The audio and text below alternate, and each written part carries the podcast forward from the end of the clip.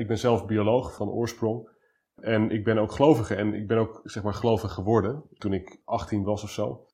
Dus ik wil niet, zeg maar, aan de ene kant gelovig zijn en aan de andere kant bioloog. Het moet voor mij wel samengaan. Dus voor mij in mijn jeugd was deze vraag eigenlijk heel erg belangrijk voor mijn persoonlijke geloofsontwikkeling. Kan ik volledig bioloog zijn en volledig wetenschapper? In ons digitale tijdperk is het moeilijk voor jonge mensen om op ravijnen te letten. De type vragen en moeilijkheden waarmee ze worstelen. Ze vergeten de sterren ook snel. Het inspiratieputten uit idealen.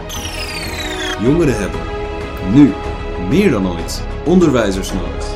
Die hen helpen de realiteit te omarmen en levensvragen persoonlijk te beantwoorden. Welkom bij Canyons and Stars. Jezus en de wetenschap. Gaan die twee samen? Welkom bij een nieuwe podcast van Mens zijn anno nu, waar we tijdloze wijsheid laten schijnen over actuele vragen van jongeren. Het is een initiatief van Stichting Canyons and Stars en ik welkom weer Daan. Teun, hallo. En David. Ja, weer Teun. Dag David.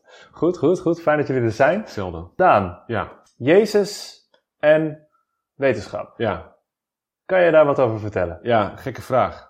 Ja, hè? Ja, want mensen hebben het vaak over geloof en wetenschap. Ja. En dat is een vraag Precies. die voor mij, ik ben zelf bioloog van oorsprong. En ik ben ook gelovige en ik ben ook, zeg maar, gelovig geworden toen ik 18 was of zo. Oh. En ik merkte heel erg van, ja, ik, ik vind biologie heel erg interessant. Mhm. Ik begon geloof interessant te vinden door een aantal dingen die ik meemaakte, door mensen die ik ontmoette. Eh, doordat ik een aantal voordelen die ik had, die werden een soort van weggewerkt. En ik had zoiets van, ja, ik wil me er wat meer in verdiepen. Maar ik had ook zoiets van, ik wil niet hypocriet zijn. Dus ik wil niet een soort van twee gespleten werelden leven. Dus ik wil niet, zeg maar, aan de ene kant gelovig zijn en aan de andere kant bioloog. Het moet voor mij wel samengaan. Dus voor mij in mijn jeugd was deze vraag eigenlijk heel erg belangrijk voor mijn persoonlijke geloofsontwikkeling. Kan ik volledig bioloog zijn en volledig wetenschapper? Nou, daar is toen een interessant antwoord op gekomen van eigenlijk het huis waar ik nu nog woon. Dus mensen zeiden tegen mij van, nou Daan, laat ons je uitleggen wat het geloof is. Dan kan je zelf wel zien of het samengaat met de wetenschap. Dat vind ik altijd wel een mooi antwoord, moet ik Ja. zeggen. Maar laatst las ik een preek van Cantalamessa. Dat is eigenlijk de, huisprediker van de paus. Die had op Goede Vrijdag een preek. Waarin hij zei van ja, in dat hele gesprek over geloof en wetenschap wordt eigenlijk de naam van Jezus nooit genoemd. Nee. En dat, ja, dat vond ik wel een verrassende, want ik ben dus heel lang al bezig met die vraag. Maar die had ik eigenlijk nog nooit zo gehoord. Dus ik dacht van nou, dat is misschien wel leuk om daar een keer over na te denken. Ook omdat ik toch denk, misschien zijn niet heel veel mensen ermee bezig. Misschien juist ook de mensen die, die gelovig zijn en daar, of een beetje zoekend zijn in het geloof. Gaat dat samen, zoals ik. Maar ja, ik denk dat het juist voor die mensen een relevante vraag is. En misschien ook voor andere mensen die er gewoon vanuit gaan dat het sowieso niet samengaat. Ja. Want ja, dat is toch wel het beeld wat ik denk dat vaak heerst. Dus ja, ik denk dat het leuk is om daarover te hebben met elkaar. Ja, dat denk ik ook. En als ik dan even naar David kijk, herken jij dit eh, dilemma tussen eh, geloof en wetenschap of eh, Jezus en de wetenschap? Eigenlijk niet. Nou, einde podcast. Ja. Dankjewel uh, voor kijken. Sorry. Ja, zelf heb ik het nooit zo ervaren. Ik heb nooit het gevoel gehad dat het botst met elkaar of elkaar tegengaat.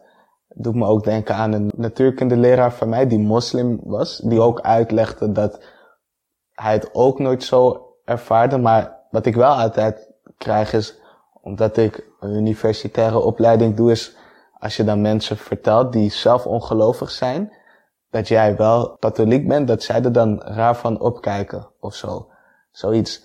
Alleen net als Daan heb ik ook nooit het over wetenschap en de naam van Jezus samen gehad. Dus zie ik er wel naar uit om hier toch verder over te praten en naar jullie te luisteren. Nou, hartstikke goed. Daan. Ja, oké. Nou, ik heb dus een beetje nagedacht over dat thema van Jezus en wetenschap. En ik moet zeggen, ja, er is eigenlijk één kernthema wat je eigenlijk daarover moet hebben. En grote vraag, zeg maar, geloof en wetenschap is altijd eh, geloof en evolutie. Hè? Dat is de typische vraag. Er is altijd veel in de media en over de botsing en zo. Ik weet nog Ja. dat in het Darwinjaar waren er mensen die zeiden van ja, je kiest God of evolutie. Het is vanuit het gelovige kamp. Ja. En dan vanuit de, wetenschappelijke kant dan mensen die hadden een actie terug naar je maker. De folder die die mensen hadden verspreid, die gingen ze terugsturen naar Earth. Dus ja, die botsing, daar, daar, daar zit wel wat in. Ja. Maar ik denk dat het ook goed is om bij stil te staan dat er eigenlijk iets heel fundamenteels is wat de wetenschap überhaupt mogelijk maakt. En dit is een beetje een, misschien een ingewikkeld punt, dus ik hoop dat ik het goed kan uitleggen en vraag me als het niet duidelijk is. Maar we kunnen alleen maar wetenschap doen, omdat op een of andere manier de gedachten die wij in ons hoofd hebben, de redelijkheid zeg maar die in ons hoofd zit, ons verstand, dat die op een of andere manier ook terugkomt in de wereld om ons heen. Als hetgene wat in ons verstand zit, Ja. als dat helemaal niet gereflecteerd wordt in de wereld, dan kunnen we er ook niet nadenken over de wereld. Dus er is iets redelijks in de wereld om ons heen. Nou, we noemen dat bijvoorbeeld natuurwetten, of we noemen dat natuurconstanten. Of, Ja. Maar ja, er zijn bepaalde patronen die wij als mensen kunnen begrijpen, dus met onze redelijkheid kunnen begrijpen, die ook, in de, ook echt in de natuur zitten. Dus er zit een bepaalde redelijkheid in de wereld om ons heen. Oké. Nou, het interessante is dat vaak als mensen nadenken over geloof en over schepping, dan wordt er nagedacht over het boek Genesis. Dat is het eerste boek van de Bijbel, wat ook al bij de Joden er was en bij de christenen is dat er ook. En daarin wordt gesproken bijvoorbeeld over dat God verschillende dieren schept en planten schept en de aarde schept en de zeeën schept en het licht schept en allerlei dingen schept. En dat wordt vaak een beetje gezien als een frictie met de evolutietheorie. Nou, daar kan je heel veel dingen over zeggen. Dat ga ik nu even niet doen. Dat kunnen we misschien voor een andere keer bewaren als mensen daar interesse in hebben.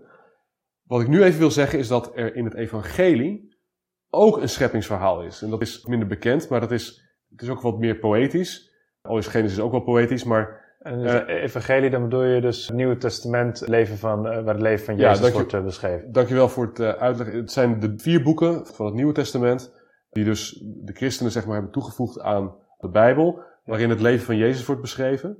En eentje daarvan is het evangelie van Johannes. En in het evangelie van Johannes, dat is eigenlijk het laatste evangelie, die ook wat later is geschreven, aan het einde van het leven van Johannes. Dus hij had al een heel leven erop gereflecteerd, zeg maar. Johannes was de jongste apostel bij Jezus. En die werd al vrij oud, dus tegen het einde van zijn leven, in de 90 was hij zo, geloof ik, Mhm. begon hij dat op te schrijven. En hij begint met een hele mooi stuk over in het begin was het woord. En het woord was bij God en het woord was God. Nou, dat stuk is eigenlijk een scheppingsverhaal. Hè, want er staat in het begin was het woord. En dat woord heeft heel veel verschillende betekenissen. Dat woord woord. In het Grieks is dat woord logos. En logos betekent inderdaad woord. Maar logos betekent ook redelijkheid. Dus er staat ook in het begin was er redelijkheid. En de redelijkheid was bij God. En de redelijkheid was God. En de christelijke traditie heeft daarin gezien dat die redelijkheid heeft ze ook altijd vereenzelvigd met Jezus Christus. Oftewel, Sorry, kan je dat nog een keer zeggen? dat die redelijkheid, Ja? eh, dat woord, die wordt ook geïdentificeerd met Jezus Christus. Mhm. Dus in het begin was Jezus Christus, die ook de redelijkheid was. En die was bij God en die was God. Ja. Dus in zekere zin zeggen christenen, Jezus zelf heeft een soort van kosmische betekenis, betekenis voor het hele universum. En die is eigenlijk ook de redelijkheid achter het universum. En die redelijkheid maakt het dus mogelijk dat wij überhaupt wetenschap kunnen doen. Nou, ik weet niet of het heel ingewikkeld is, maar ik vind het wel heel erg mooi. Ik kijk even naar jou, David. Als jij eh, dit hoort, Jezus laat redelijkheid zien, wat denk jij aan? Ik denk een beetje aan, ja, dat in sommige situaties misschien heel duidelijk is. In wetenschap, bijvoorbeeld Daan had het in het begin ook over natuurwetten. ja. Zwaartekracht bijvoorbeeld kan heel duidelijk zijn. Ik Ja. bedoel, eh, we kunnen nu iets hier laten vallen en dat valt en boem, zwaartekracht, super duidelijk. Ja. Maar je kan ook bijvoorbeeld het hebben over kwantumfysica. Super onduidelijk als je het mij vraagt. Maar ja, en dat is dan ook redelijkheid, als je het zo ziet.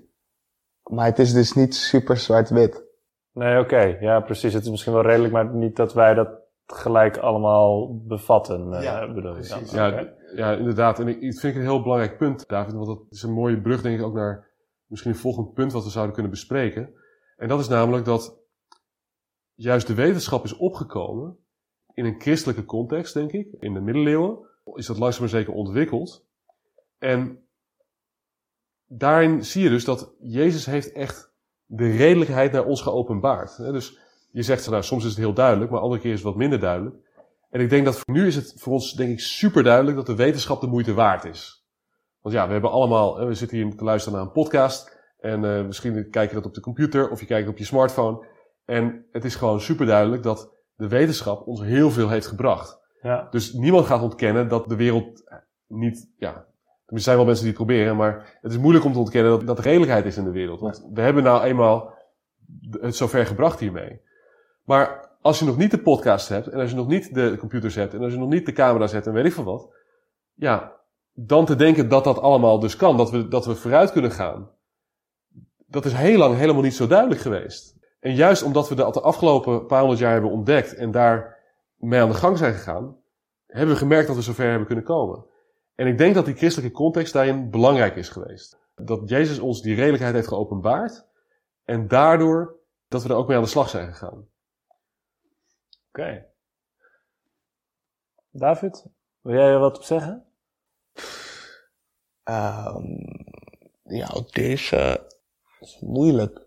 Maar ik, ik bedoel, ik zeg dit nu, maar ik denk dat er wel mensen zijn die weer vragen bij hebben. Ja, nee, ik, ik bedoel... Bijvoorbeeld de middeleeuwen. Hoe Ja. kijken mensen meestal naar de middeleeuwen volgens jou? Ja, ja, ik vind het moeilijk omdat het is wel logisch dat mensen zelfs toen al wetenschap en God of Jezus samen zagen. Alleen, zoals Daan net zegt, hoe kijken mensen naar de middeleeuwen? Ik bedoel, als ik nu snel denk aan de middeleeuwen, denk aan heksen en, en zulke dingen. En dat mensen nog daarop focusten en, en ook hoe anders de wereld was. Dus natuurlijk, wetenschap is ook ooit ergens begonnen. Ja. Maar het is toch wel ook moeilijk om het toch samen te voegen ook in die tijd. Ja. Ja, precies. Kijk, er leeft denk ik in onze eh, academische wereld ook, in onze wereld in het algemeen, een verhaal. En dat is dat de wetenschap is begonnen bij de wetenschappelijke revolutie na de middeleeuwen. De middeleeuwen was een donkere tijd. De donkere middeleeuwen, daar waren heel veel inderdaad heksen, er waren plagen. De mensen waren achterlijk. En toen kwam de revolutie en toen ging het allemaal beter. Dat is ongeveer volgens mij het verhaal. Wat daar Maar is dat ook echt zo, Daan? maar is dat ook echt zo? Want dat is wel een goede vraag. En ik, ik heb daar een, een heel mooi boek over gelezen, wat ik jullie heel van harte kan aanraden. Dat heet Gods Filosofen van James Hannon. En in dat boek legt hij uit dat dat verhaal eigenlijk niet zo opgaat. Want, oké, goed, er waren inderdaad, er gingen dingen mis in de middeleeuwen. Daar kunnen we het over eens zijn. Maar er gingen ook best wel dingen goed. Er staan nu nog steeds ontzettend mooie kathedralen bijvoorbeeld. Die zijn gebouwd in de middeleeuwen. Ja, dus die Ja. mensen waren ook niet helemaal achterlijk. Als je de Notre Dame kan bouwen in Parijs, nou, dan kan je toch wel wat. Bent niet helemaal gek, laten we zo zeggen. Maar wat James Hannum eigenlijk heel erg duidelijk maakt, is dat de middeleeuwen op vier manieren de wetenschap hebben voorbereid. Eentje bijvoorbeeld door instituties, dat wil zeggen bijvoorbeeld door universiteiten, ook bijvoorbeeld ziekenhuizen. Die zijn opgekomen in de middeleeuwen. En die zijn ook echt gesteund door de kerk en door de staat in die tijd. En dan kan je bijvoorbeeld zien, de Universiteit van Salamanca, een van de eerste universiteiten, die is gewoon recht tegenover de kathedraal. Want dat waren gewoon de mensen van de kerk die bezig waren met het nadenken over de grote vragen van het leven. En die gingen daar een universiteit voor beginnen. Dus zo zijn alle universiteiten begonnen. De kerk heeft dat echt gestimuleerd ook. De paus heeft overigens ook allerlei buls uitgevaardigd die, die de studenten beschermden tegen de lokale machthebbers die een beetje uitgingen buiten en zo. Maar goed, er is veel over te zeggen. Ja. Maar dat is één ding, dus de instituties. Oké. Een tweede ding is, nou, er is gewoon technologische vooruitgang geweest tijdens de middeleeuwen. Bijvoorbeeld, in Venetië waren mensen heel goed in het slijpen van lenzen voor brillen. Nou, uit Venetië kwam toevallig ook Galileo Galilei. Ja. En die heeft daar een telescoop van gemaakt. Dat is ook trouwens nog wel een leuk verhaal. Hij is ook daar professor door geworden. Want hij ging naar de prins. En hij zei, kijk, ik heb een telescoop. Hier kan je de vijandige schepen twee uur eerder mee zien aankomen. Ja. En die prins die zei, oh geweldig, Galileo, ik maak je professor. Dat is echt zo gebeurd. maar goed, hij ging er natuurlijk ook de maan mee bekijken en zo. Dus, en dat, daar is hij eh, ook beroemd mee geworden. Dat hij heeft natuurlijk ook zijn conflicten opgeleverd. Dat was trouwens een van de weinige voorbeelden van waar het echt mis is gegaan tussen geloof en wetenschap. Dat is het geval van Galileo. En dat is dan ook altijd het enige geval wat altijd wordt aangehaald. En waarom? Ja, omdat er gewoon ook niet heel veel andere voorbeelden zijn dan dat.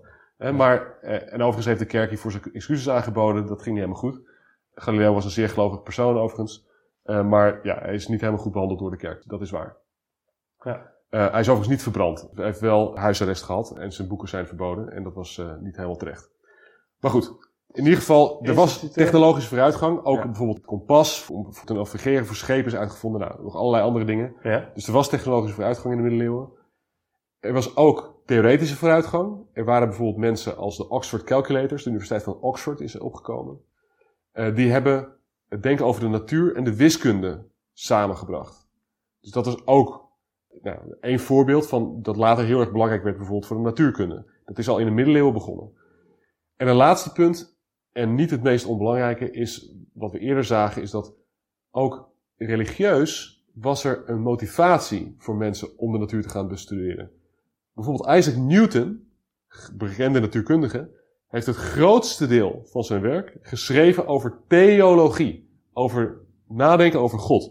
Ja. En, en het stukje wat hij schreef over natuurkunde, wat zo belangrijk is geworden, ja, dat schreef hij ook vanuit de motivatie om de schepping van God beter te kunnen kennen. Dat zegt hij gewoon expliciet zo. Dus hierin zie je heel duidelijk dat ook voor heel veel wetenschappers was er gewoon een motivatie vanuit de religie om te gaan werken aan de wetenschap. Dus op institutioneel vlak, op technologisch vlak, op intellectueel vlak, maar ook op metafysisch vlak, op motivatievlak, op religieus vlak. Op al deze vlakken heeft de middeleeuwen hebben de wetenschap voorbereid. En dat staat dus heel mooi uitgelegd in het boek van, van James Hannon. Dat is echt de moeite waard. Ja.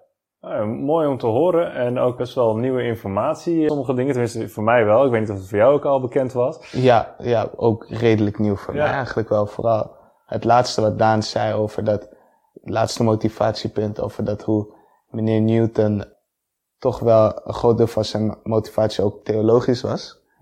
Maar hoe ik dat zo hoor, klinkt best logisch of zo voor mij. Veel inspiratiebronnen als je kijkt naar atleten of naar muzikanten. Hoe zij ook God zien als een grote motivatiebron. Ja. En hoe zij altijd God bedanken. Het is eigenlijk best wel logisch dat wetenschappers dat ook doen als je het zo bekijkt. Dus daarom verbaast het me niet. Nee. Oké, het verbaast David dus niet helemaal. En eh, dat is echt best logisch ook. eh. Precies. Ja. Nou ja, en God is dus ook best logisch. dat is eigenlijk de samenvatting van deze podcast. Maar, eh, maar ja, ik hoop dat ik dus iets van een link heb kunnen leggen tussen Jezus, die zeg maar een bepaalde redelijkheid ook voorstaat. En dus ook mensen motiveert vanuit de religie om wetenschap te gaan doen. En dus ook een cultuur heeft geschapen waarin wetenschap ontwikkelen mogelijk werd. Wat later ook is doorgezet en natuurlijk niet alleen maar door gelovige mensen wordt gedragen. Dat is ook wel duidelijk. Je hoeft niet per se gelovig te zijn om wetenschapper te zijn. Maar ik denk wel dat die religieuze context heel erg belangrijk is. En ook dat je nu, zeg maar, tegenwoordig heb je meer postmoderne stromingen die zeggen van nou, alle waarheid is contextueel. Jij hebt jouw waarheid, ik mijn waarheid. Als je zo denkt, dan ga je geen wetenschap ontwikkelen. Nee. Dus als het er is, ja, dan, oké, dan ga je ermee door. Maar als dat de context is van ieder zijn eigen waarheid, ja, waarom ga je dan naar gemeenschappelijke waarheid op zoek zoals de wetenschap doet? Dus ik denk ook wel dat er, ook juist in het huidige academisch klimaat, dat juist dat christelijk de nadruk op van we moeten samen ook de waarheid zoeken, dat het heel erg belangrijk is voor ook het voortbestaan van de wetenschap. Ja. Dus, Mooi, dankjewel. En ik, ik denk ook als je dit eh, vertelt, dat, dat paar podcasts geleden, een poosje terug, ja, toen hadden we het over eh, ook zoeken naar de waarheid. En ik denk dat dat ook heel belangrijk is, wat vanuit de religie, vanuit Jezus ook gemotiveerd wordt. En we zoeken ook naar waarheid. En, Ja. hè, vanuit het christelijk perspectief zien we hem ook als de waarheid. Maar, dus we hebben niet alleen de wetenschap te bedanken voor, voor dit mobieltje, maar misschien ook de Heere God voor een uh, mobieltje. Jezus. halleluja. maar in ieder geval, dankjewel voor deze samenvatting, Daan. Dank je. Heel goed, nou jullie bedankt. Was leuk. Yes. Yes, en dan was er weer de derde aflevering van Mens zijn anno nu. Ik hoop dat jullie eh, genoten hebben. Wij in ieder geval wel. En ik wens jullie nog een hele fijne dag. Dit was Canyons and Stars. Je kunt ons vinden op canyonsandstars.org. Wil je in contact blijven? Ga naar canyonsandstars.org en klik op Doe mee. Of abonneer je op de podcast. Want jongeren hebben, nu meer dan ooit, onderwijzers nodig die hen helpen de realiteit te omarmen en levensvragen persoonlijk te beantwoorden. Canyons and Stars. Let's grow together.